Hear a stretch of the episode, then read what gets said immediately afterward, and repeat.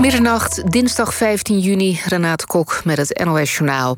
De man die vorige week in Canada vier moslims doodreed met een pick-up truck... is aangeklaagd voor terrorisme. De 20-jarige Nathaniel Veldman wordt ervan verdacht... dat hij opzettelijk is ingereden op de familie omdat ze moslims waren. Hij is ook vier keer beschuldigd van moord en één keer van poging tot moord. De politie ging al snel naar de aanslag uit van opzet. Waarom dat was, is niet verduidelijkt bij de aanklacht. De Canadese vicepremier noemde het zeer belangrijk... dat de aanslag wordt betiteld als een terroristische daad. Eerder meldden de autoriteiten al dat Veldman voor zover bekend... alleen heeft gehandeld. Het CDA zegt dat de partij voor de verkiezingscampagne... een donatie van 1 miljoen euro heeft gekregen van miljonair Hans van der Wind. Maar die kocht op die manier geen invloed, staat in een verklaring. Het opgestapte Kamerlid Omtzigt zegt in zijn notitie... dat er 1 miljoen binnenkwam van mensen die aanpassingen van de plannen wilden. CDA-leden zeggen dat ze voldoende handtekeningen bij elkaar hebben... voor een extra partijcongres. Een petitie van die strekking is in twee dagen tijd 500 keer ondertekend. Het congres moet gaan over de interne problemen van de afgelopen tijd... en het opstappen van Kamerlid Pieter Omzicht, zeggen de initiatiefnemers. In het hele land worden de komende tijd sessies georganiseerd... om over de problemen te praten. Als Nederland inderdaad al op 26 juni grotendeels van het slot gaat... kan horecapubliek op kleine tv-schermen prima naar EK-wedstrijden kijken... zegt voorzitter Bruls van het Veiligheidsberaad. Als beperkende maatregelen niet meer nodig zijn... moeten ze worden opgeheven, zegt hij. De EK-wedstrijd Spanje-Zweden is geëindigd in een doelpuntloos gelijkspel. De wedstrijd in Sevilla in groep E leverde een hoop kansen... en veel balbezit op voor Spanje, maar gescoord werd er niet. Eerder op de dag won Slowakije in dezelfde pool met 2-1 van Polen. Het weer, vanavond en vannacht wolkenvelden. Het koelt af tot een graad of 15. Later overdag in het noorden meteen volop zon. De rest van het land volgt later. Wordt 20 tot 27 graden. Dit was het NOS Journaal. NPO Radio 1. VPRO. Nooit meer slapen.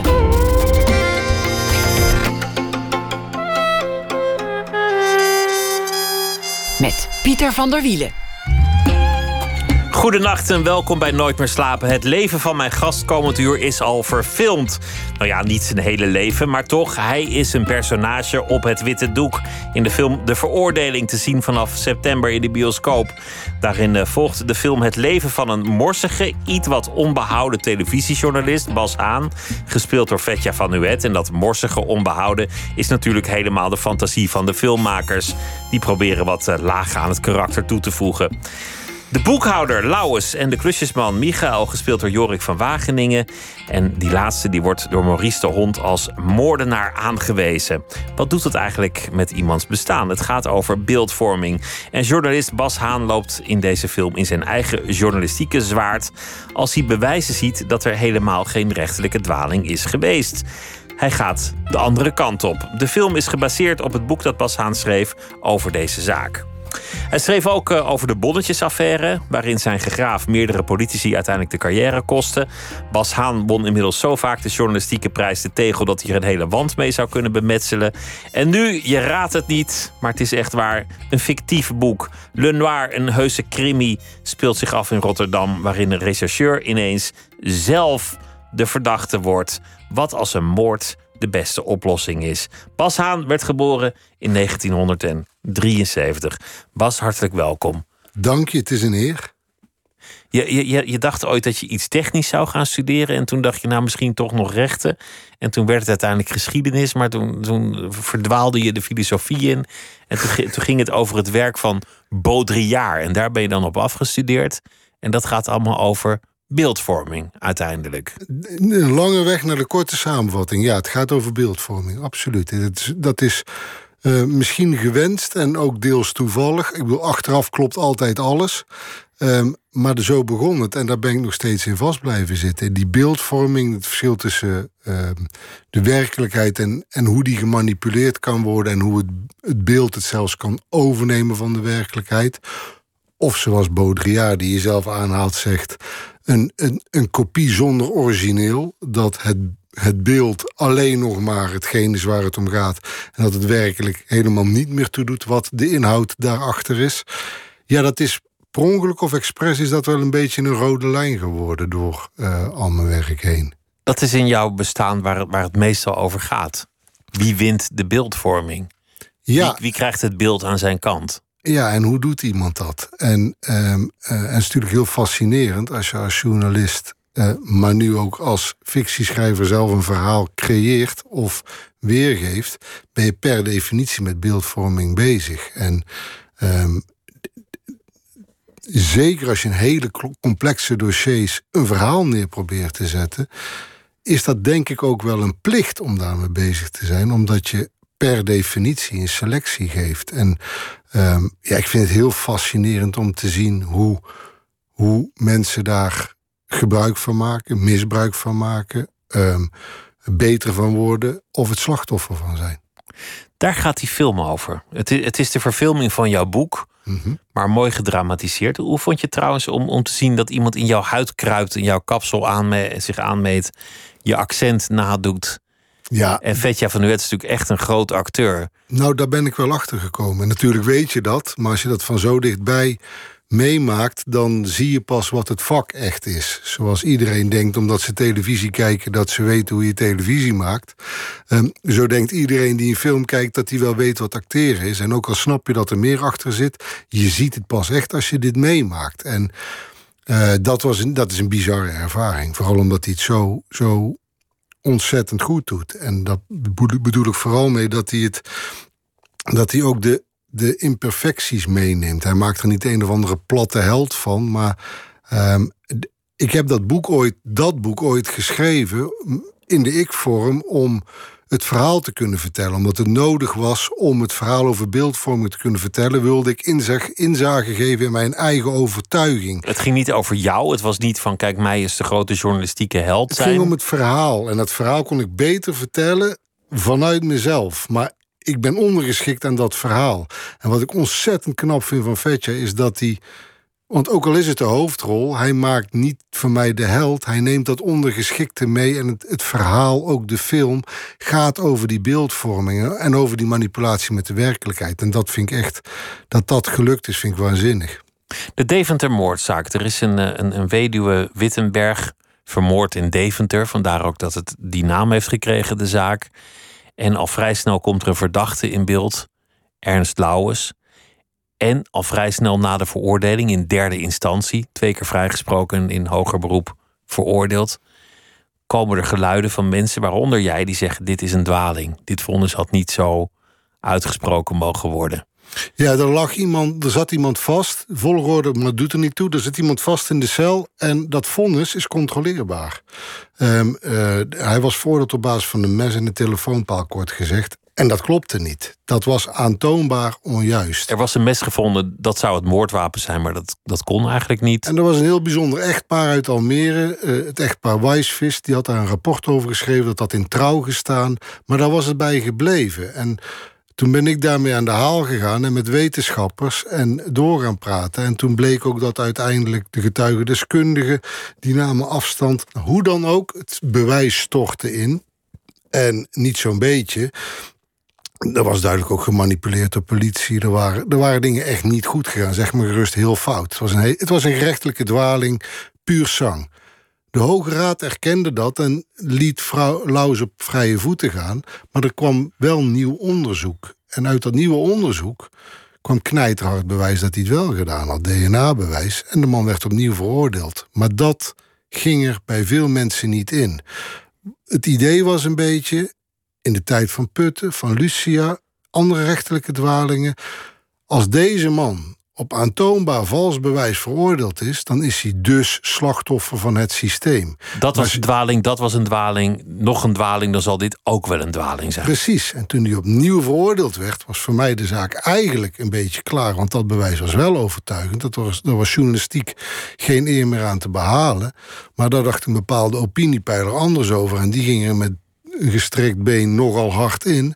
En um, dacht, wacht eens even, we hebben Lucia gehad, we hebben... Maurice de Hond was dat, die, die wees de, de klusjesman, die geen, geen klusjesman was trouwens. Precies, zoals de boekhouder geen boekhouder was. Maar goed, dat om het nog iets ingewikkelder te maken, dat is beeldvorming. Zo is het. Het werd de boekhouder versus de klusjesman, iedereen had een mening. Ja. En hij wees gewoon iemand aan die het gedaan zou hebben. Het, het keerpunt is, is eigenlijk, nou ja, een journalist die heeft een prachtige primeur, een rechterlijke dwaling.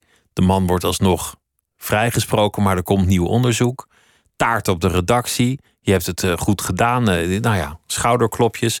En dan komt er een fax van Peter R. de Vries. Ja, En op dat moment kan jij het bloed van Peter R. de Vries wel drinken. ja. Want, want ja, die haalt eigenlijk alle grond onder jouw primeur vandaan. Nou, die wijst mij op de nogal tamelijk duidelijke omissie van joh. ehm, Er mist iets in jouw reportage. Hoe, hoe zit het met het DNA? En dat, dan is het 2004, geloof ik. Dus ehm, er is al wel CSI, eh, is nog niet op televisie. Maar mensen weten wat DNA is, maar het is onbekend, ook bij mij. Ik bedoel, ja, DNA kan ook met contactsporen. En, en nou ja, heel veel onduidelijkheid. En pas op het moment dat je erin verdiept en snapt hoe heftig deze sporen zijn, ja, dat was voor mij absoluut het omslagpunt.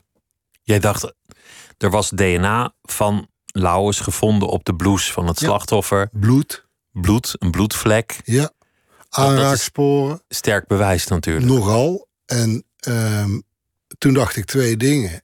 Kut, ik zat ernaast. En jeetje, gelukkig heb ik me in mijn journalistieke uitingen altijd gelaten bij eh, de feitelijke constateringen dat het bewijs niet klopte. Want Wat op dat moment waar dat was ook zo. Ehm, maar die overtuiging, eh, hij heeft het niet gedaan, die ik losliet, die liet de rest van Nederland niet los. Dus de overtuiging, de man is slachtoffer van het systeem. En als er nu opeens wel bewijs is, dan zal dat dus wel aan het systeem liggen die de boel hebben lopen verkloten en die nu niet willen toegeven wat hun fouten zijn. Dat bleef borrelen. En toen kwam de hond daarbij met de mededeling. Jongens, ik weet wie het wel gedaan heeft, de klusjesman. En daarmee gingen alle deuren van alle talkshows eh, oneindig vaak open. En mochten de meest krankzinnige, ik bedoel, ik kan hier nu het uur vol praten, maar het dieptepunt om je voorbeeld te geven is dat eh, eh, zeven, acht jaar na de moord op basis van de beweringen van een opiniepeiler het graf van eh, de weduwe geopend werd omdat de hond beweerde dat de klusjesman daar zeven jaar eerder een mes in verstopt had. Je verzint het niet. En dat mes ik- lag er niet in. Natuurlijk niet. Dus als ik, weet je, dit, is, dit zijn echt de verhalen. Als ik die in mijn, nu in mijn fictieboek had geschreven, had jij het in de vuilnisbak geflikkerd met de mededeling: ja, hallo, dit is een beetje ongeloofwaardig. En dan had je gelijk gehad. Dus dat is het. Echte verhalen zijn soms gewoon echt ongeloofwaardiger dan verzonnen verhalen. En als je de optelsom ziet aan wat er in deze zaak is gebeurd, dat is niet anders dan als krankzinnig te duiden. Met een heel duidelijk slachtoffer, namelijk De klusjesman. de, de klusjesman die geen klusjesman was. Ja, en ook een hele duidelijke dader. Maurice de Hond. Er is ook een podcast gemaakt, de, de Deventer Mediazaak heet die. Zeker. Het gekke is dat het op een zeker ogenblik ook gewoon entertainment werd. Dat ook in, in de show van Claudia de Brij erover werd stilgestaan in een, in een duidelijk soort variété zaterdagavond plezierprogramma. Ja.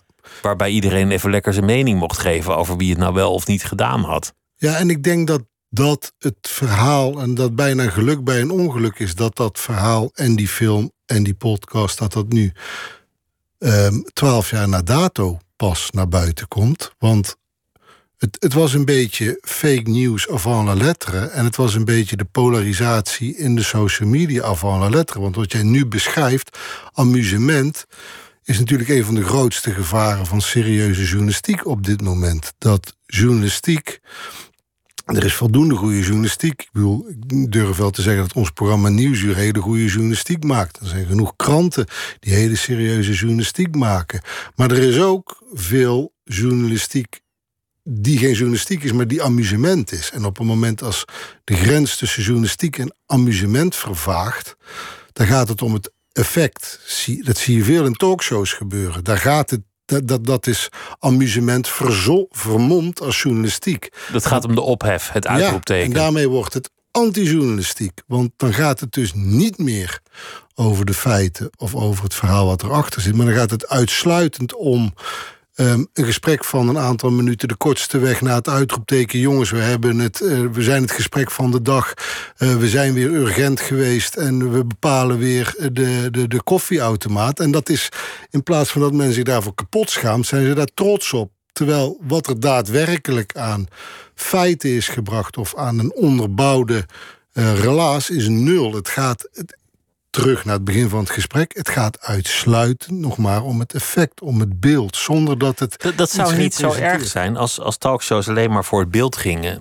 Dat zou prima zijn. Als we niet zouden, journalistiek zouden noemen. Als er maar niet ook nog een waarheid zou zijn. De, de werkelijke wereld heeft niet, is niet opgehouden te bestaan. Precies. De mensen die beschuldigd worden van moord, die bestaan echt. Die krijgen stenen door de ruit. Hun leven zouden op hun, hun banen worden opgezegd. Ze moeten hun woning uit. Of de familieleden van degene die daadwerkelijk vermoord is, voor wie die zaak steeds opnieuw opgerakeld wordt, zijn allemaal echte mensen. Of, of in het geval van de pandemie, als er wordt, wordt aangeraden om, om uh, met, met, een, met een ritmische dans de pandemie te bestrijden. Ja, en dat anderhalve meter eh, afstand, dat dat echt niet nodig is, omdat dat flauwekul is. Ja, dan. Uh, precies. Dan de werkelijke wereld is er nog. Ja. Wat was het moment dat dit besef op jou ging drukken. Dat het, dat het eigenlijk in jouw bestaan misschien ook wel een beetje het plezier uit je werk haalde bijna. Omdat je, dat je ineens die verantwoordelijkheid ging nee, voelen. Pas op, het, het geeft plezier. Want um, uh, het geeft niet plezier in de wereld, maar het geeft wel plezier in mijn werk. Want je kunt het natuurlijk wel goed doen. Je kunt natuurlijk.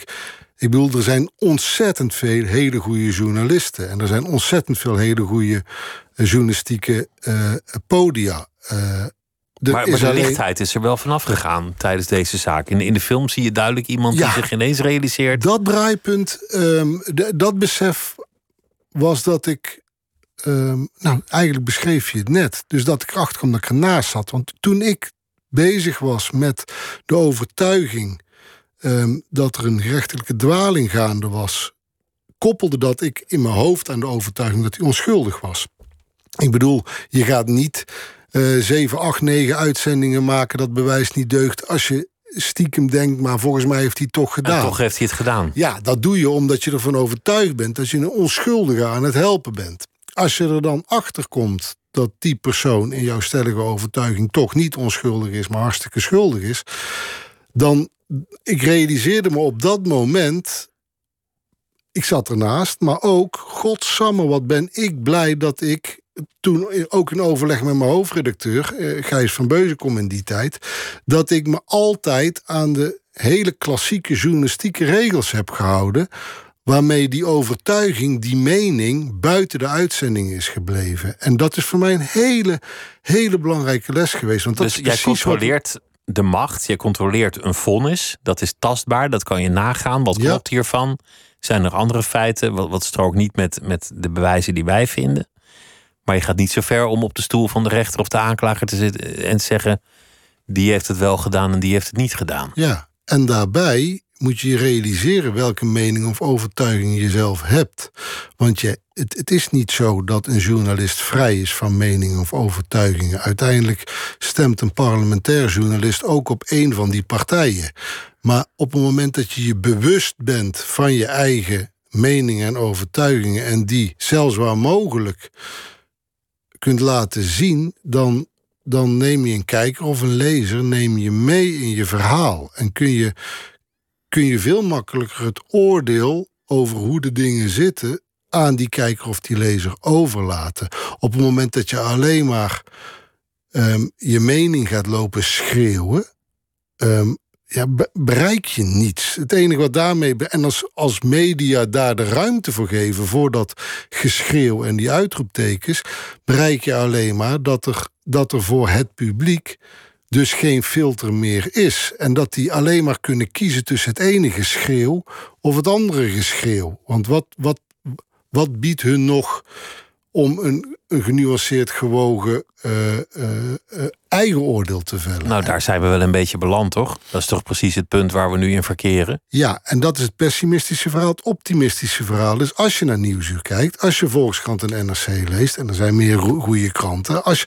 dan heb je een behoorlijk goed wereldbeeld. Dan weet je dat je geen 5G in je arm gespoten, gespoten krijgt... als je gevaccineerd wordt. Dan weet je, uh, nou ja, noem het maar op. Dus dan kun je een behoorlijk... Alleen de pest is dat het voor ons uh, uh, als serieuze journalistiek wel steeds lastiger wordt om dat grote publiek te bereiken. Tegelijkertijd ligt er natuurlijk ook gewoon een uitdaging. Want als ik nu zie op onze internetredactie dat, dat um, hele ingewikkelde onderzoeksverhalen. Eigenlijk hoe ingewikkelder, hoe beter. Als daar een YouTube-filmpje van 20 minuten van gemaakt wordt, dan wordt dat ontzettend gewaardeerd. En ook door jonger publiek. Met andere woorden, mensen willen wel degelijk geïnformeerd worden. Alleen, ik denk dat veel mensen ook wel moe worden van dat meningencircus. Ik in ieder geval wel. Ik ook. Wat, wat zegt de methode De Haan? In de film zien we jou, de, ja, het is ook een film natuurlijk. Uh, onder mensen hun raam staan afspreken, onder bruggen. Uh, proberen mensen over te halen om desnoods off the record jou iets te vertellen. Soms op charme, soms met iets meer druk. Ja, ik denk, natuurlijk is in een film is, is in twee uur tijd um, wordt twee behoorlijk saaie jaren samengevat, de hoogtepunten daarvan. Uh, de meet, ja, heel veel oude hoeren. En um, ik ben, wat mij omgaat, ik vind het heel fascinerend. Dat, dat, daar leidt het uiteindelijk ook toe dat ik een, een fantasieboek ben gaan schrijven. Maar wat ik wil weten is waarom mensen doen wat ze doen. Waarom, um, uh, als ik met, met, met bronnen praat voor een verhaal, dan hebben ze een belang om met mij te praten. En dat kan nogal belangrijk zijn, dat belang. belang. En om dat belang te doorgronden heb je een vertrouwensband nodig. En uh, dat is niet iets waar ik mijn best voor doe. Eigenlijk is het, is het heel simpel. Ik, ik vind het leuk om met die mensen te praten. En als de mensen vertrouwen jou van nature. Ja, dat is dat. dat ja, dat klopt. Dat, dat gaat heel makkelijk. Maar dat komt ook omdat ik de tijd neem. Dus op het moment als ik voor een verhaal bij iemand ben, dan begint het vaak pas nadat ik mijn vragen gesteld heb. Wordt pas echt interessant, want dan ga ik praten met iemand over dingen waar ik niet van plan was over te gaan praten. En dan, dan, kom, je, dan kom je in contact met. met ja, dan, dan, dan, dan hoor je mensen wat, wat zij willen kwijt willen, wat zij willen vertellen. En als je dat vaak genoeg doet, dan ga je dingen met elkaar verbinden. En dan als je met twaalf advocaten en drie hoogleraren strafrecht hebt gesproken, uh, en die vertellen allemaal twintig jaar geleden dat ze zich zorgen maken over de toenemende crime fighter mentaliteit en anti-magistratelijkheid bij het Openbaar Ministerie, dan ga je afvragen, maar dan, dan gaat er iets borrelen, dan gaat er iets sudderen. En dan, dan staan je ogen open voor verhalen. En dan kan opeens een puzzelstukje kan het begin van een verhaal zijn, terwijl het anders niet opgevolgd Dus het begint met, met ergens een verhaal voelen, maar ook social skills. Het begint met ouwe hoeren. Waar, waar heb je je social skills opgedaan eigenlijk? Um, de, de, als kind al aan de tafel uh, bij mijn ouders. Um, um, maar ik heb ook tijdens mijn studietijd, ik heb vrij lang, dat kon toen nog over mijn studie gedaan naast het werk. En dat was, die studie was meer een soort omveld uh, voor andere bezigheden. En ik heb uh, jaren achter de bar gestaan. En ik geloof dat dat ook wel een hele belangrijke levensles voor me is geweest. Want dan krijg je alle types aan de toog. En dan, dan leer je ook wel hoe, hoe de mensen in elkaar steekt. Vooral als je het leuk vindt. Ik bedoel, ik, ik genoot daarvan. En ik, ik had mijn eigen borrelclubjes uh, aan de bar. En um, uh, je bent op afstand, maar je bent er toch onderdeel van. En dat is, dat is ook het mooie van het vak van journalist zijn. Als je met mensen praat. Je, als je met een willekeurig iemand gaat zitten praten op straat dan, dan moet je maar afwachten wie er zit, wie het is, of het een saai iemand of een leuk iemand is. Maar als je als journalist op pad gaat en je maakt afspraken met mensen, of het nou een topambtenaar of een advocaat of een crimineel of een slachtoffer of een dader is, maar er zit iemand met een verhaal. Dat weet je bij voorbaat. En dan kun je dus in relatief korte tijd, in een paar uur, kun je onwijs de diepte ingaan. En ja, dat, dat is iedere keer opnieuw zijn dat fantastische levenslessen. En dat, dat, dat, dat, je verzamelt mensen. Je kunt dat jongetje in de zandbak zijn die waarom, waarom, waarom vraagt. En dat is gewoon ontzettend leuk. Het wordt natuurlijk pas echt leuk als mensen ook liegen. En in jouw leven wordt er veel gelogen. Ja, absoluut. Ik, ik zit tegenover een man die, die heel veel in zijn leven is voorgelogen, maar er niet bitter van is geworden. Nee, dat klopt. Want, want je hebt ook heel veel met, met Lauwers in zijn cel zitten praten. Ja. En je denkt inmiddels dat hij, dat hij je al die tijd heeft voorgelogen. Ja, De bonnetjesaffaire. ja, De bonnetjesaffaire, dat was dat, dat ooit in een vorig leven Fred Teven als crimefighter iemand liet getuigen en zei: in ruil daarvoor mag je de winst van je criminele daden houden. En wij lullen daar verder niet over en we zorgen ook dat de Belastingdienst daar niet achter komt. ja. Dus Dat was het bonnetje. De affaire was wat er daarna gebeurde. Het liegen erover door het kabinet. En dat is eigenlijk, als je het over liegen hebt... ehm, daar ging die affaire over. Dat bonnetje was een leuk verhaal. Goh, een staatssecretaris die vroeger officier was... die is nou verantwoordelijk voor de rechtsstaat... en hij veegt zijn reet af met de regels... die hij ooit als officier van justitie eh, eh, de- de- geschonden heeft. En de moet- overheid helpt criminelen de Precies. overheid te ontvluchten. dat was een leuk verhaal en daar, was, daar had het bij kunnen blijven. Maar het werd pas een affaire toen men erover ging liegen. En die fuik inging en er harder over ging liegen. En Rutte zich ermee ging bemoeien en erover ging liegen. En de Kamer niet ging. Dus het gaat, dan gaat al lang niet meer over dat bonnetje.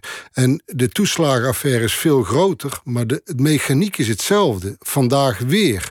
Dus het, het gaat niet om het. Het gaat niet om. Tuurlijk gaat het ook om de affaire zelf, maar de affaire wordt nog veel, vele malen groter door het gegeven dat er niet eerlijk over gecommuniceerd wordt. Maar Dus- dit liegen, kijk, normaal liegen, dan zeg je iets wat niet waar is en dan kan iemand anders bewijzen dat het anders zit, is de leugen ontmaskerd. Ja, In dit geval was het liegen, terwijl je weet dat iedereen weet dat jij liegt, en toch volhouden. ja, Ook al zijn er bewijzen die keihard beweren dat wat jij zegt niet waar kan zijn, toch volhouden, doorliegen. Anders nog een andere leugen eroverheen en iedereen liegt met elkaar mee. ja dat is waarom ik dat, Dat boek... vond ik wonderlijk, dat, dat uiteindelijk het een soort van zelfsprekendheid wordt. Het werd bijna fictie. de- Je bedoelt dat het van vanzelfsprekendheid wordt om te liegen. En dat het daarmee het Ja, verhaal het, het, was, fictie... het was gewoon de fabeltjeskrant in, in de Tweede Kamer. Ja, maar dat is. Ik, daarom heb ik dat boek De Rekening voor Rutte genoemd. En misschien een beetje onbescheiden, maar dat is vier jaar oud inmiddels. Maar dat beschrijft eigenlijk de Rutte-doctrine. nog voordat iedereen het woord kende. Maar dat is precies waar we het net over hadden. Dat het meningencircuit zo de overhand neemt, wordt natuurlijk ongelooflijk versterkt als de waarheid ook in de politiek door eh, de eindverantwoordelijke zelf de nek om wordt gedraaid. Dan is de prijs daarvoor is verschrikkelijk hoog. Dat is namelijk dat de waarheid irrelevant gemaakt wordt. Het is een optie. Dus op het moment dat er een Kamerdebat is en er worden nu vragen gesteld over een cruciaal memo in de toeslagenaffaire en er wordt steeds over gezegd dat hadden we niet, dat hadden we niet, maar ze blijken het wel te hebben, dan is niet alleen de inhoud van dat memo schokkend, maar dan is het ook schokkend dat je dus blijkbaar echt niet kunt vertrouwen op de, op de oprechtheid van degene die je zou moeten kunnen vertrouwen, juist in die oprechtheid. Ja, dan, dan, dan, dan raak je wel een soort betonrot in het systeem. Want hoe kun je dan nog iemand kwalijk nemen dat hij gelooft dat hij 5G in zijn arm gespoten krijgt? Als, als, het, voor, als het voorbeeld is dat er gelogen wordt. En dan Dat- wordt het wel heel complex. De, de waarheid is gewoon een van de verhalen waar je uit zou kunnen kiezen. Als Dat het is het. toevallig Dat bedoel- uitkomt. Dat bedoel Is ik een met een optie. optie. Ik bedoel, de- als, het, als, het, als het uitkomt, dan vertellen we de waarheid. Maar als het niet uitkomt, nou, dan doen we gewoon alsof ik. Ik bedoel, hij zei het echt. Eh, Ik heb, ik, heb, ik heb misschien wel gelogen, maar ik deed naar eer en geweten. Ja, weet je, als, als, als dat de terminologie is waarin de politiek bedreven wordt, dan, ja, dan is het einde wel een beetje zoek. Ik kan me niet herinneren dat ik dat heb geweten, dus heb ik niet gelogen toen ik zei dat ik het wist, want ik heb geen herinnering eraan. En dus heb ik naar eer en geweten gelogen. Ja. Ja. nou ja, kun je het nog volgen? Maar, maar ook de Kamervoorzitter, die die memo's die voor de Kamer bestemd waren, zelf door de versnipperaar haalde. Ja, dat. ja, Uit een soort partijenloyaliteit. En, en het, het leukste moment was natuurlijk dat de minister op een zeker ogenblik keihard tegen jou inging. En zegt van nou, die, die Haan heeft broddelwerk geleverd. En wat hij zegt klopt allemaal niet. En dit is eh, journalistiek onwaardig. Echt krachttermen. En even later bleek het gewoon allemaal had jij die brief in handen. Je had een paar mails in handen en kon die niet anders dan aftreden. Ja, en dat is wel heftig. Want je weet op dat moment, als je dat niet aan kunt tonen, dan blijft dat hangen. En dat is. Dan ben jij beschadigd. Ja, en je weet dat dat een risico is, maar je, je verwacht niet. Nou, je zou niet moeten hoeven verwachten dat dat zou gebeuren. En dat is. Je ziet dat nu echt in nog grotere mate bij die toeslagenaffaire hoe uh, Pieter Klein en Jan Klein Nijhuis uh, van RTL en Trouw door sommige mensen aangevallen worden, dat, dat doet me pijn. Ik vind dat echt. Ik, ik, um, dat je een reputatie kan vermorselen omdat het je zo uitkomt. Terwijl zij juist datgene doen wat zo cruciaal is. Namelijk op feiten laten zien wat er gebeurd is en wat er wel gezegd is en geschreven is en wat er wel gedaan is. En dat is, dat is zo fundamenteel. En als je, dan, als je dan zelfs soms vanuit je eigen beroepsgroep aangevallen wordt, ja, dan, dan, dan uh, dat, dat is deprimerend.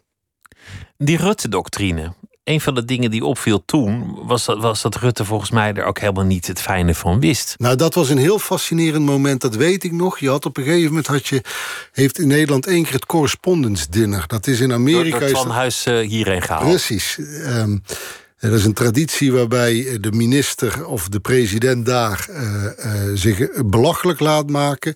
Nou ja, dat werd dan hier naartoe gehaald. En Um, uh, Twan vond het wel een goede grap. En ik ook. Als ik, want toen speelde de bonnetjesaffaire als ik bij hem aan tafel zat en bij Rutte aan tafel zat. Dus ik zat naast Rutte. En we kregen het um, over die bonnetjesaffaire, uiteraard. En wat mij toen ontzettend... Oh, dat was een absolute aha-erlevenis. Dat hij dat veel minder dossierkennis had dan ik. Wat ook eigenlijk ontzettend logisch is. Want godzijdank was de minister-president op dat moment meer bezig met de vluchtelingencrisis en met weet ik veel wat voor dossiers dan met die bonnetjesaffaire. Maar tegelijkertijd was voor mij, oh wacht even, jij staat in de Kamer snoeihard te beweren dat dit niet waar is, dat dat niet waar is en dat het zo is. Dat maar eigenlijk weet je er gewoon geen zak van. Dus het is gewoon bluff wat je daar staat te doen. En je dat... wordt even door een ambtenaar bijgepraat, een A4'tje, en dan sta je daar alsof je erop gepromoveerd bent. Precies. En um, dat kan, dat kan onderdeel zijn van het politieke spel. Maar als je dan met een keiharde leugen waarvan je weet dat het de leugen is staat te bluffen, dan wordt het wel heel lelijk. Reagan die maakte daar zijn kracht van. Die wilde nooit te veel weten. Die dacht dat kennis hem in de weg zou zitten. Zijn nooit langer dan een half A4'tje. Ja, maar moeten we dat als voorbeeld zien? Dus ik weet niet nou of ja, dat als per het gaat se... over beeldvorming en, en de media bespelen, een dat grootheid. Absoluut. Dat is, dat is wat politiek aan het worden is.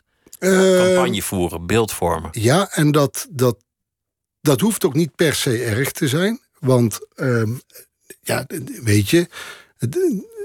Tuurlijk, het bestaat bij beeldvorming politiek. En, maar op het moment dat, dat, er, dat de, het, het fundament van een gedeelde waarheid, laat ik het zo zeggen, als de spelregels niet eens meer hetzelfde zijn, um, dan wordt het ingewikkeld. Als in een voetbalwedstrijd iemand opeens de bal vastpakt naar voren en onder zijn arm en in het doel gooit. En, en zegt als nooit gebeurd. En, en het, het, het publiek juicht daarom ja, wat moet je dan als scheidsrechter nog doen? Dan kun je, dan, dan, dan kun je wel gaan fluiten. Maar als het publiek dat geweldig vindt, omdat hij dat op een prachtige manier weet te brengen, ja, dan, dan verneuk je het spel. En uiteindelijk is daar iedereen slachtoffer van. Dus als, als, als de spelregels niet meer gedeeld worden met elkaar, als er niet een, een gedeelde notie is van werkelijkheid. En als, als zelfs instituties elkaar aangevallen. Als, weet je wel, als 50 plus gaat zeggen dat CBS ook maar cijfers zijn.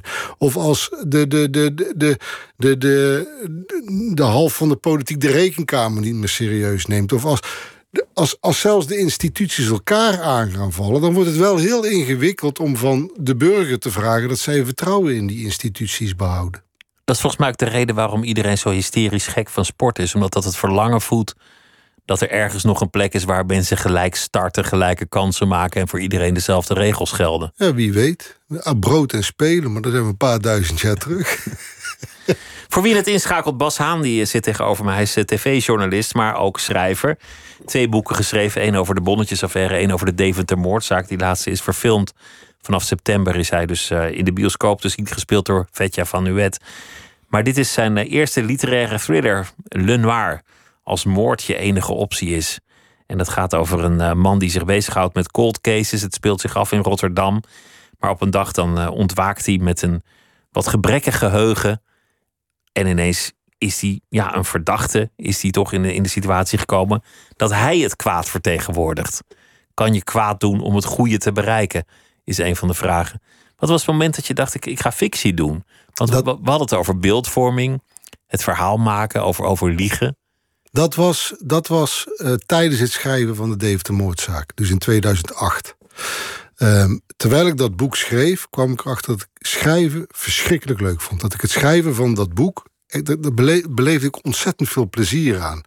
Maar tegelijkertijd, non-fictie schrijven, journalistiek schrijven, is natuurlijk aan, aan enorme beperkingen gebonden. Um, en tijdens dat schrijven voelde ik echt van... oh, het, het, lijkt me zo heerlijk om gewoon helemaal los te kunnen gaan. Ik was al een ontzettende fan van thrillers om te lezen. Uh, en toen nam ik me echt voor... Dat ik, ik ga gewoon een keer een thriller schrijven. Ik schreef toen ook letterlijk de eerste pagina. Die is natuurlijk in de afgelopen tien jaar wel veranderd.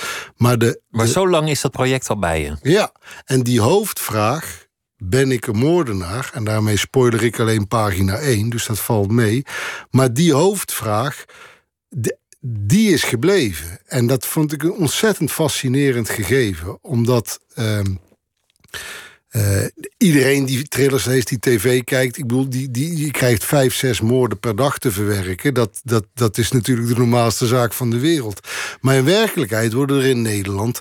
nog geen 150 moorden per jaar gepleegd. Dat is eigenlijk best wel weinig. Uh, als je ziet hoeveel geweld er op straat is... hoeveel haat er af en toe lijkt te zijn. Zeker als je op social media een dagje doorbrengt. Een, een regisseur geïn, of, of een, een rechercheur geïnterviewd. En die zei: Ja, de meeste moorden zijn doodsaai. Absoluut. Meestal worden we gebeld door de dader. Ja. Huilend. Ja. Die zegt: Oh, wat ik nou toch heb gedaan. Alsjeblieft, kom hierheen. En dan zit hij met een bebloede mes ja. op, de rand van, van het bed te janken. De partner, die heeft het gedaan. Nou, dan heb je al, al zeven van de tien moorden opgelost. En dan zijn er misschien nog twee liquidaties in het criminele circuit. En dan, dus de ingewikkelde moordzaak, die bestaat bijna niet. Dus, maar ja, het is wel heel leuk. Het is leuk om daar naar te kijken, het is leuk om te lezen. En het is ook leuk om erover te schrijven. Want juist dan kun je die verbeelding aan het werk laten gaan. En al die belangen die ik dagelijks tegenkom over leugens en niet-leugens, oprechtheid, onoprechtheid. De gelaagdheid en de genuanceerdheid van mensen, want er zijn geen mensen alleen maar goed of alleen maar slecht. En dat is ontzettend leuk om mee te spelen. Het gaat over Rotterdam, jouw stad. Ja. En je laat je horen, alle... toch? Uh, nee, dat kan je helemaal niet horen. nee, ja, nee, ik hoor dat 30 jaar, absoluut. En, en, nog steeds niet van je Brabantse accent nee, af. Nee, Grappig is dat.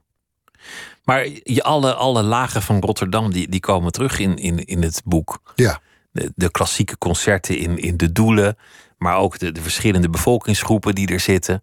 De, de ouderwetse Rotterdamse rouwdouwers.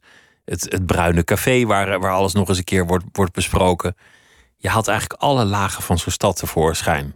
Dat was echt mijn bedoeling. Om, om van de stad bijna een personage te maken. Ja, een soort ode aan de stad. Want ik, eh, ik vind Rotterdam een geweldige stad. weet je, het, is, het is geen openluchtmuseum zoals sommige steden in Nederland. Het is een echte stad. Dat betekent absoluut niet dat er alleen maar gezellig is. Uh, Jules Deelder zei geloof ik ooit... Uh, de meeste mensen hebben een teringhekel aan Rotterdam... en dat willen wij graag zo houden, of zoiets. Maar dat, dat, daarmee is het en een hele grote stad... maar ook een dorp. Als je een kleine tien jaar in de horeca gewerkt hebt... en dat is voor mij nu 25 jaar geleden ik kom nog steeds die mensen tegen van toen. En dat, dus het heeft en iets heel dorps, maar het is ook gewoon echt een grote stad. Met echte grote stadsproblemen die je voelt, die je proeft. En het, het, het is een echte stad. En het, het, het, heeft een karakter. Het is een karakter. Je zegt eigenlijk heel goed. Het is een van de karakters in het boek. Het is een personage, Rotterdam. En je houdt je bezig met allerlei hele actuele thema's. Eerwraak bijvoorbeeld is een thema dat terugkomt. Maar ook een aanklager die gecanceld wordt omdat hij ja, vooroordelen heeft geuit in, in uitspraken die hij heeft gedaan. Ja. Waarmee toch ook meteen die vraag van de dwaling weer bovenop ligt. Zeker. als iemand een mening heeft over Marokkanen, kan die dan dat werk nog wat doen? Ja. Of is elke Marokkaan op voorhand al verdacht? Ja, maar en ik vind het vooral heel leuk om mee te spelen, omdat het is heel erg gevaarlijk om, om, om je te laten leiden door meningen en door overtuigingen.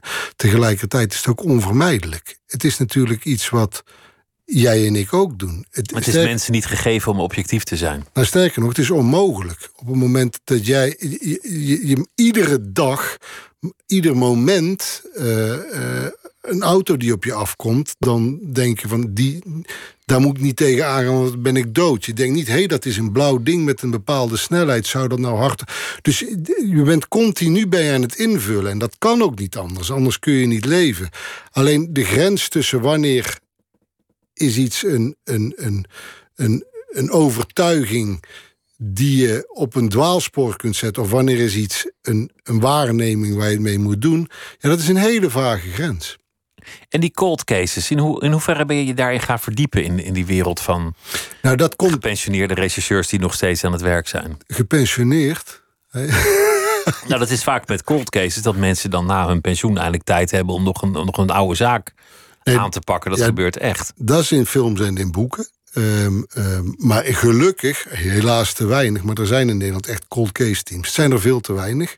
Um, maar meer dan vroeger, gelukkig. Ja, iets meer. Maar, maar het, is een, het is vooral een literair, het is een heel, een heel dankbaar personage, een cold case rechercheur. Want die, hoeft, die kun je de tijd geven om en in het verleden te kijken en naar een nu te kijken. Dus dat was voor mij, dat is gewoon eigenlijk, dat is niet gebaseerd op iemand, dat is niet gebaseerd op ervaring. De misdaad is hetgene wat het, het mooie decor is. En de cold case rechercheur, die kun je isoleren van de rest. Dus die kun je in een hoekje plaatsen, die kun je met zijn kleine team, kun je die in een bubbeltje neerzetten. En dat bubbeltje kun je vervolgens in je hoofd als auteur helemaal uit gaan werken. En tot een eigen leven laten wekken. En dat, dat was heerlijk om te doen. In hoeverre is dat iets dat in jouw leven speelt? Dat, dat je je helemaal zou kunnen verliezen in je werk? Dat, dat je eigenlijk daarbuiten nog maar half bestaat? Nou, dat is wel gebeurd. Dat, dat is, uh, ik, weet, ik weet nog tijdens die, uh, tijdens die bonnetjesaffaire op het hoogtepunt. En dat komt ook omdat je dan natuurlijk. Ik heb altijd de steun van een hele grote professionele redactie. Die staat achter je. En dat is cruciaal bij zo'n onderwerp. Dat kun je niet in je eentje. Tegelijkertijd doe je het wel in je eentje. Dus en ik weet nog dat op, op, op een moment dat, dat op een gegeven moment uh, volgens mij was dat toen het debat van Van der Steur, de laatst afgetreden minister, gaande was. Um, op vrijdagavond had ik al met mijn kinderen pizzaavond. Dus bestelden pizza van de Brommer en die kwam niet opdagen. En toen ging ik even bellen dat, met de pizzaboer om te vragen waar de pizza bleef. En ik, ik had dat, dat telefoontje en ik hoor mezelf stem verheffen en dat duurde. En ik zie mijn vrouw naar me kijken en die zegt... Godverdomme, dat is de pizzaboer, Bas. Doe rustig aan. Het was alsof ik zeg maar de voorlichter van het ministerie... Van dus ja, ik heb zeker... Op, als je zo in zo'n verhaal zit en dat duurt maanden achter elkaar... dan wordt dat, een, dan wordt dat wel iets wat je permanent bij je draagt. En Um, uh, dan, dan is sport een enorme ontspanning. Maar dan heb je ook geestelijk af en toe wel wat, wat, wat, wat um, hoe heet dat? Uh, uitgang, eh, wat, wat escape nodig. En dat, uh, wat... wat correctie, je, je beschrijft in, in je boek ook, ook hoe zo'n relatie dan eigenlijk ja, ineens gewoon een soort huls is geworden. Ja, dat is gelukkig fantasie. Ik bedoel, 23 jaar geleden kwam ik mijn vrouw op de dansvloer van de basement onder Nighttown tegen. En we zijn hier nog steeds heel gelukkig getrouwd. Dus dat is, uh, dat, dat is drama in de relatie. Dat hoort in een boek. En dat is fantasie. Um, maar dat wil niet zeggen dat. Absoluut. Ik heb stempels gedrukt met. met als je eenmaal in zo'n verhaal zit. Dan kun je een hele bepalende en niet altijd prettige factor zijn voor je omgeving. Dat, is, dat, dat heeft, heeft wel iets obsessiefs. Het is ook een beetje de karikatuur hè, van, van de onderzoeksjournalistiek op een omroepredactie, die dan Zeker. Bij, bij, een nachtlamp om drie uur s'nachts nog steeds aan het werk is met, met grote stapels dossiers. Ja, dat, dat is een karikatuur die en onzin is, maar ook waar is. Want uh, op een, ik bedoel, het vak bestaat ook veel uit wachten. wachten, wachten, wachten. Tot iemand, Tot iemand terugbelt. en dat doet tot, hij niet. tot iemand opkomt dagen en die komt niet opdagen. Tot je weer een stuk zit te lezen wat je eigenlijk al honderd keer hebt gelezen en er staat niks in. Eh, dus dat, dat is ook heel vaak eh, overbodig.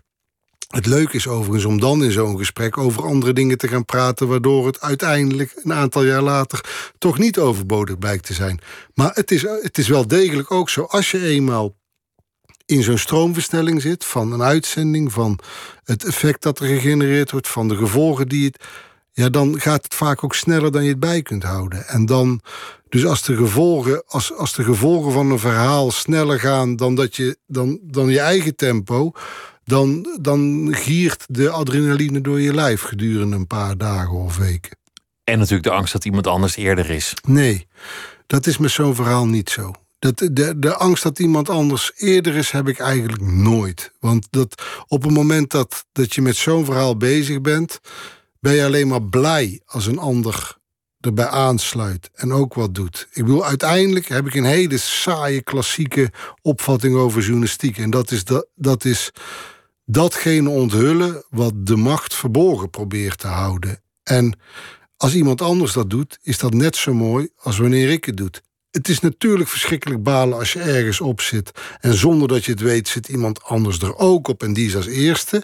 Maar ik geloof niet dat me dat ooit is overkomen. Want meestal ga ik op een verhaal zitten waar geen hond in is geïnteresseerd. En dan ben je in je eentje aan het werk. En als je daar eenmaal lang in bezig bent, heb je ook totaal niet het risico dat iemand anders ermee vandoor gaat. A heeft heeft zelf iemand zin om er zoveel tijd en moeite in te steken. En B, als iemand het probeert, heb je een voorsprong. Dus dat is absoluut geen. Die concurrentieangst, die heb ik niet, nooit gehad.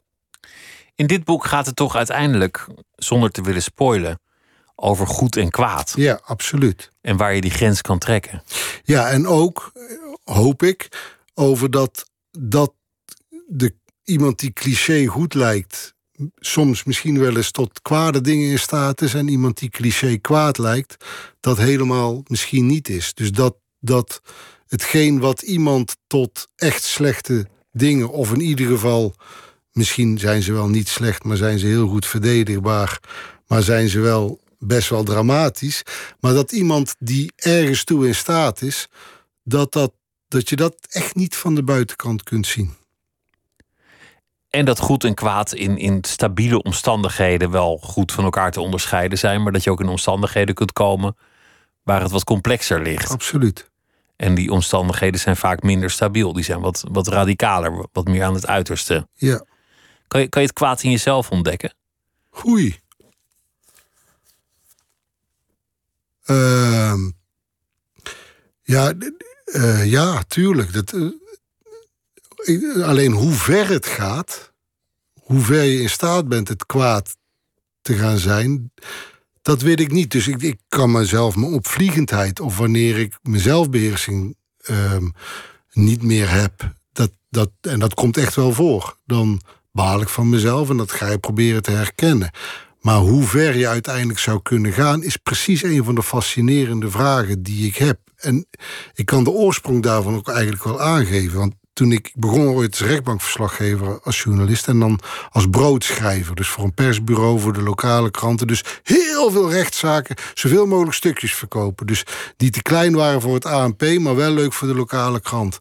En dan, heb je, dan, dan doe je heel veel rechtszaken en dan zie je dus heel veel ellende voorbij komen. Want een rechtszaakje van een uur, wat een leuk stukje in de krant is, is voor die persoon die daar staat misschien wel het belangrijkste uur van zijn leven. Want de meeste mensen die voor de rechter staan, zijn geen doorgewinterde criminelen. Dat zijn gewoon mensen met pech, met een verkeerde beslissing, met iets kleins, met iets wat is fout gelopen, meestal onderliggende ellende, die opeens voor de rechter staan. En voor het eerst en voor het laatst in hun leven. En dan is dat uur cruciaal. Dat voel je in die rechtszaal. En een van de dingen die ik fascinerend vond, is dat je daar. Ik heb er heel veel ontuchtzaken gezien. En iedere vader zal zeggen: als mijn kind ooit wordt aangeraakt, nou, die dader is te mijne. Dat zegt bijna iedere vader. Ik ben ook vader. Ik voel dat ook. Je maakt en, hem af. Ja, en toch gebeurt het niet. Van al die duizenden mis, misbruikzaken die er in een jaar in Nederland aan de rechter voorbij trekken. Dat zijn allemaal vaders die, van slachtoffers die ooit gezegd hebben: als het mijn kind overkomt, maak ik hem af. En toch gebeurt het niet. Waarom niet? Wat is, wat, je voelt die aandrang. Iedere vader voelt die aandrang als ze aan mijn kind komen. Ik neem hem te grazen. En als puntje bij paaltje komt, gebeurt het niet. Is dat omdat het verdriet van je, voor je kind dan groter is dan de haat voor diegene die het gedaan heeft? Is dat, is dat een remming in een mens? Die... Is het lafheid? Kan natuurlijk ook. Nee, dat geloof ik niet. Ik geloof dat er. Dat er dat, ik geloof echt dat. Ehm, dat de drempel om een ander iets aan te doen. dat dat een intrinsieke drempel in de mensheid is. die gesloopt kan worden omdat iemand zelf iets aan is gedaan. Ik bedoel, heel veel daders zijn ooit zelf slachtoffer geweest. Of het zijn mensen bij wie echt iets niet klopt in de bedrading. Maar dat zijn er maar heel weinig. Dus de, zelfs, ik zal maar zeggen, de, de, grootste vechtpartijen tussen hooligans. het gebeurt zelden dat er daadwerkelijk de een de ander doodslaat. Dus er zit iets in de mens dat dat tegenhoudt. Ja, dat vind ik iets heel moois. Dat, is, dat, is, wel, dat is eigenlijk wel een mooi beeld dat je schetst. Dat, dat er dus in de mens het goede zit, omdat we uiteindelijk elkaar niet volledig kwaad kunnen doen. Ja, dat is de positieve kant. Helaas zit er, denk ik, ik bedoel, de meeste mensen deugen. Eh, dat is leuk, maar daar zou ik voor willen maken. De meeste mensen deugen meestal en eh, de meeste mensen deugen soms ook niet. En sommige mensen deugen echt nooit. Dus het is wel heel genuanceerd. Maar inderdaad, ik denk dat. Dat een mooie titel voor een boek ook, als het zegt. ik, denk dat, dat, ik denk dat er iets in de mensheid zit. Daarom zijn we zo ver gekomen. Die. Um, die zijn soortgenoten wil beschermen.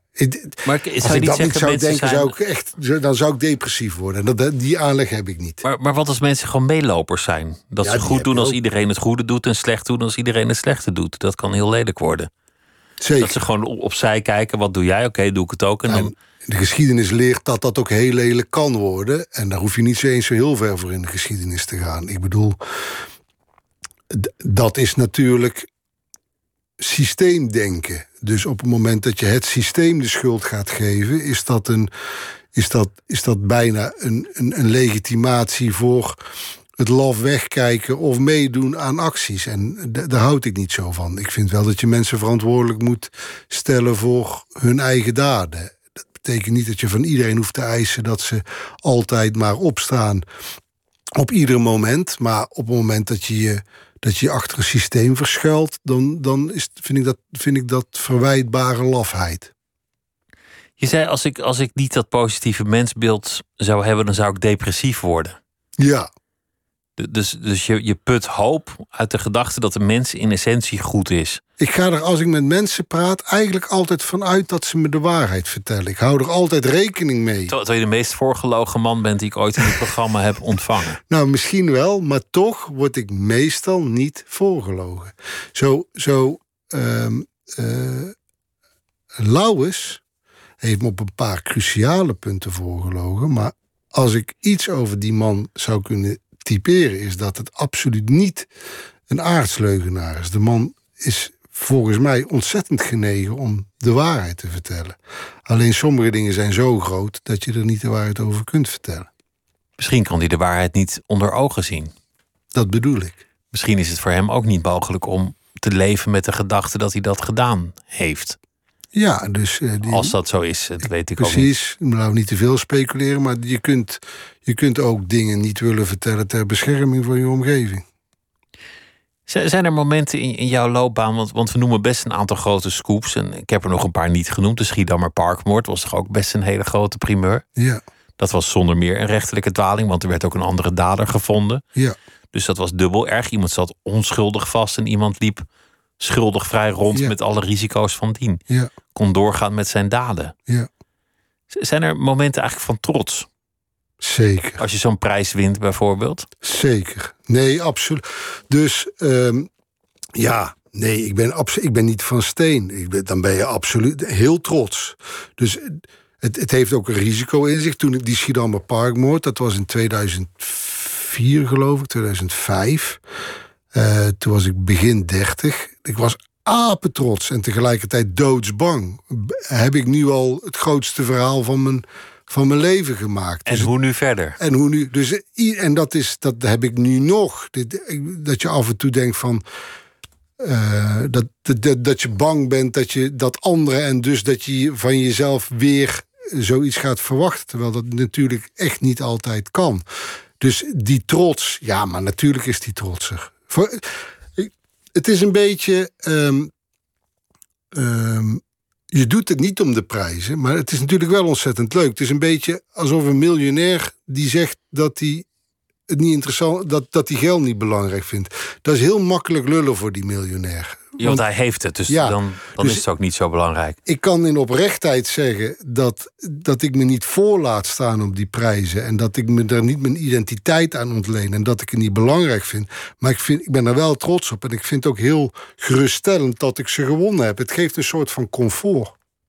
Comfort dat mensen het gezien hebben en, en dat, je, dat je iets goed hebt gedaan. Ja, dat je ervoor erkend bent. Niets menselijks is me vreemd.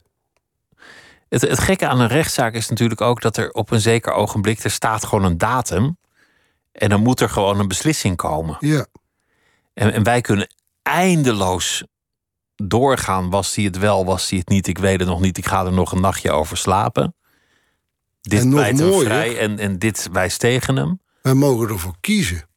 Ik bedoel, er zijn 250.000 rechtszaken per jaar, geloof ik. Een paar jaar geleden was dat in ieder geval. De meeste zijn natuurlijk flutzaken van, van de politierechter in 10 minuten. Maar het is heel veel. En als journalist heb je de luxe om er eentje uit te kiezen van daar zou wel eens iets mis mee kunnen zijn. En daar kan ik mijn aandacht op vestigen. Ik heb er ook wel eens discussie over gehad met officieren van justitie. Die dan zeggen van ja, maar Jezus, er gaat zoveel goed. En natuurlijk gaat er ook wel eens wat fout. Maar om er zoveel aandacht aan te geven, waarom kijk je eens niet naar de, naar de medische stand, waar 1500 dooien per jaar door medische fouten vallen. Daar hoor je zelden of nooit iets over. Maar die ene rechtelijke dwaling, die wordt maar uitgekoud en uitgekoud en uitgekoud. En ik snap dat argument, maar toch deugt het niet. En dat, nee, dat is een slecht argument. Want een arts, daar ga je naartoe en daar vraag je om om geholpen te worden. En als dat misgaat, ja, dat is, dat, dat is heel vervelend. Maar die man probeerde je te helpen. Terwijl een officier van justitie die kiest ervoor om iemand te gaan vervolgen en op te sluiten. Dus dan is de verantwoordelijkheid, die, die, die, die machtsmonopolie van een officier van justitie is en van uiteindelijk van de rechter, die is enorm. Um, ik zou er ook niet mee willen ruilen, want het is een enorme verantwoordelijkheid. Maar die verantwoordelijkheid vereist dus wel echt de maximale zorgvuldigheid. Ja, en als die niet in acht genomen wordt, dan mag je er ook met een gestrekt been tegen ingaan. Bij Maurice de Hond was het eigenlijk zo dat hij niks meer vertrouwde van het OM. Hij dacht na, na jouw primeur van de Schiedammer Parkmoord. Ja nou ja, als, als dit heeft kunnen gebeuren, dan kan alles gebeuren. Ja. Hoe, hoe sta jij daar eigenlijk in? Uh, in, in, in, jouw vertrouwen in, in, in, de instanties en de autoriteiten? We leven in een heel mooi land. Uh, en uh, dus waar je het er straks over had, tijdens zo'n primeur, ik word aangevallen door Ehm, eh, door het ministerie. Maar ik hoef niet onder mijn auto te kijken of er een bom in ligt. Ik word niet opgesloten, ik word niet gemarteld. Ik hoef, met andere woorden. Nou, nu leg je de lat ook wel laag, hè? Nee, ja, goed, zeker. Maar wij leven in een van de beste uh, georganiseerde landen ter wereld. Waar ik me zorgen om maak, is dat, ehm, dat ik af en toe denk dat, dat het niet omhoog gaat, maar naar beneden gaat. Dus dat de trend negatief is. En dat is misschien nog wel zorgwekkender dan de feitelijke staat waarin een land verkeert. Ik denk dat wij een heel goed rechtssysteem hebben. Ik denk dat wij hele integere officieren hebben. Ik denk dat wij hele integere agenten hebben. Alleen op dit moment zie je wel dat in heel veel uitvoeringsorganisaties, of nou de Belastingdienst of Defensie of politie of noem het maar op, dat er door heel veel, heel welwillende mensen in een dusdanig complex en uitgekleed systeem gewerkt moet worden, ehm, dat het feitelijk tegen een faillissement aan zit voor, voor veel van die uitvoeringsinstanties betreft. En dat is echt wel heel zorgwekkend. En als daar dan door de eindverantwoordelijke over gezegd wordt: nee jongens, we leven in een gaaf land, er is niks aan de hand dan wordt het nog zorgwekkender. Op het moment dat niet erkend wordt wat die fouten zijn. en als die niet worden aangepakt zoals ze aangepakt zouden moeten worden. ja, dan ben je dingen aan het verhullen. En dan verlies je uiteindelijk ook het vertrouwen in die instituties. En op het moment dat zelfs, wat ik daar straks zei, instituties elkaar niet meer gaan vertrouwen. ja, dan wordt het echt zorgelijk. Dan is de verkalking toegeslagen. Ja. Het boek heet Le Noir. Bas Haan, dank dat je te gast wilde zijn. Het was me genoeg om met je te spreken. En uh, de film De Veroordeling die is dus uh, te zien in de bioscoop vanaf september. 2 september. 2 september. Met een mooie première. En ik denk dat jij daar ook wel over een rode loper zult uh, ik hoop het. flaneren tegen die tijd. Dit was Nooit meer slapen voor vannacht. Tot morgen. Goeienacht.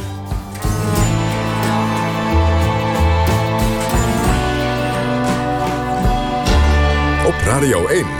Het nieuws van alle kanten.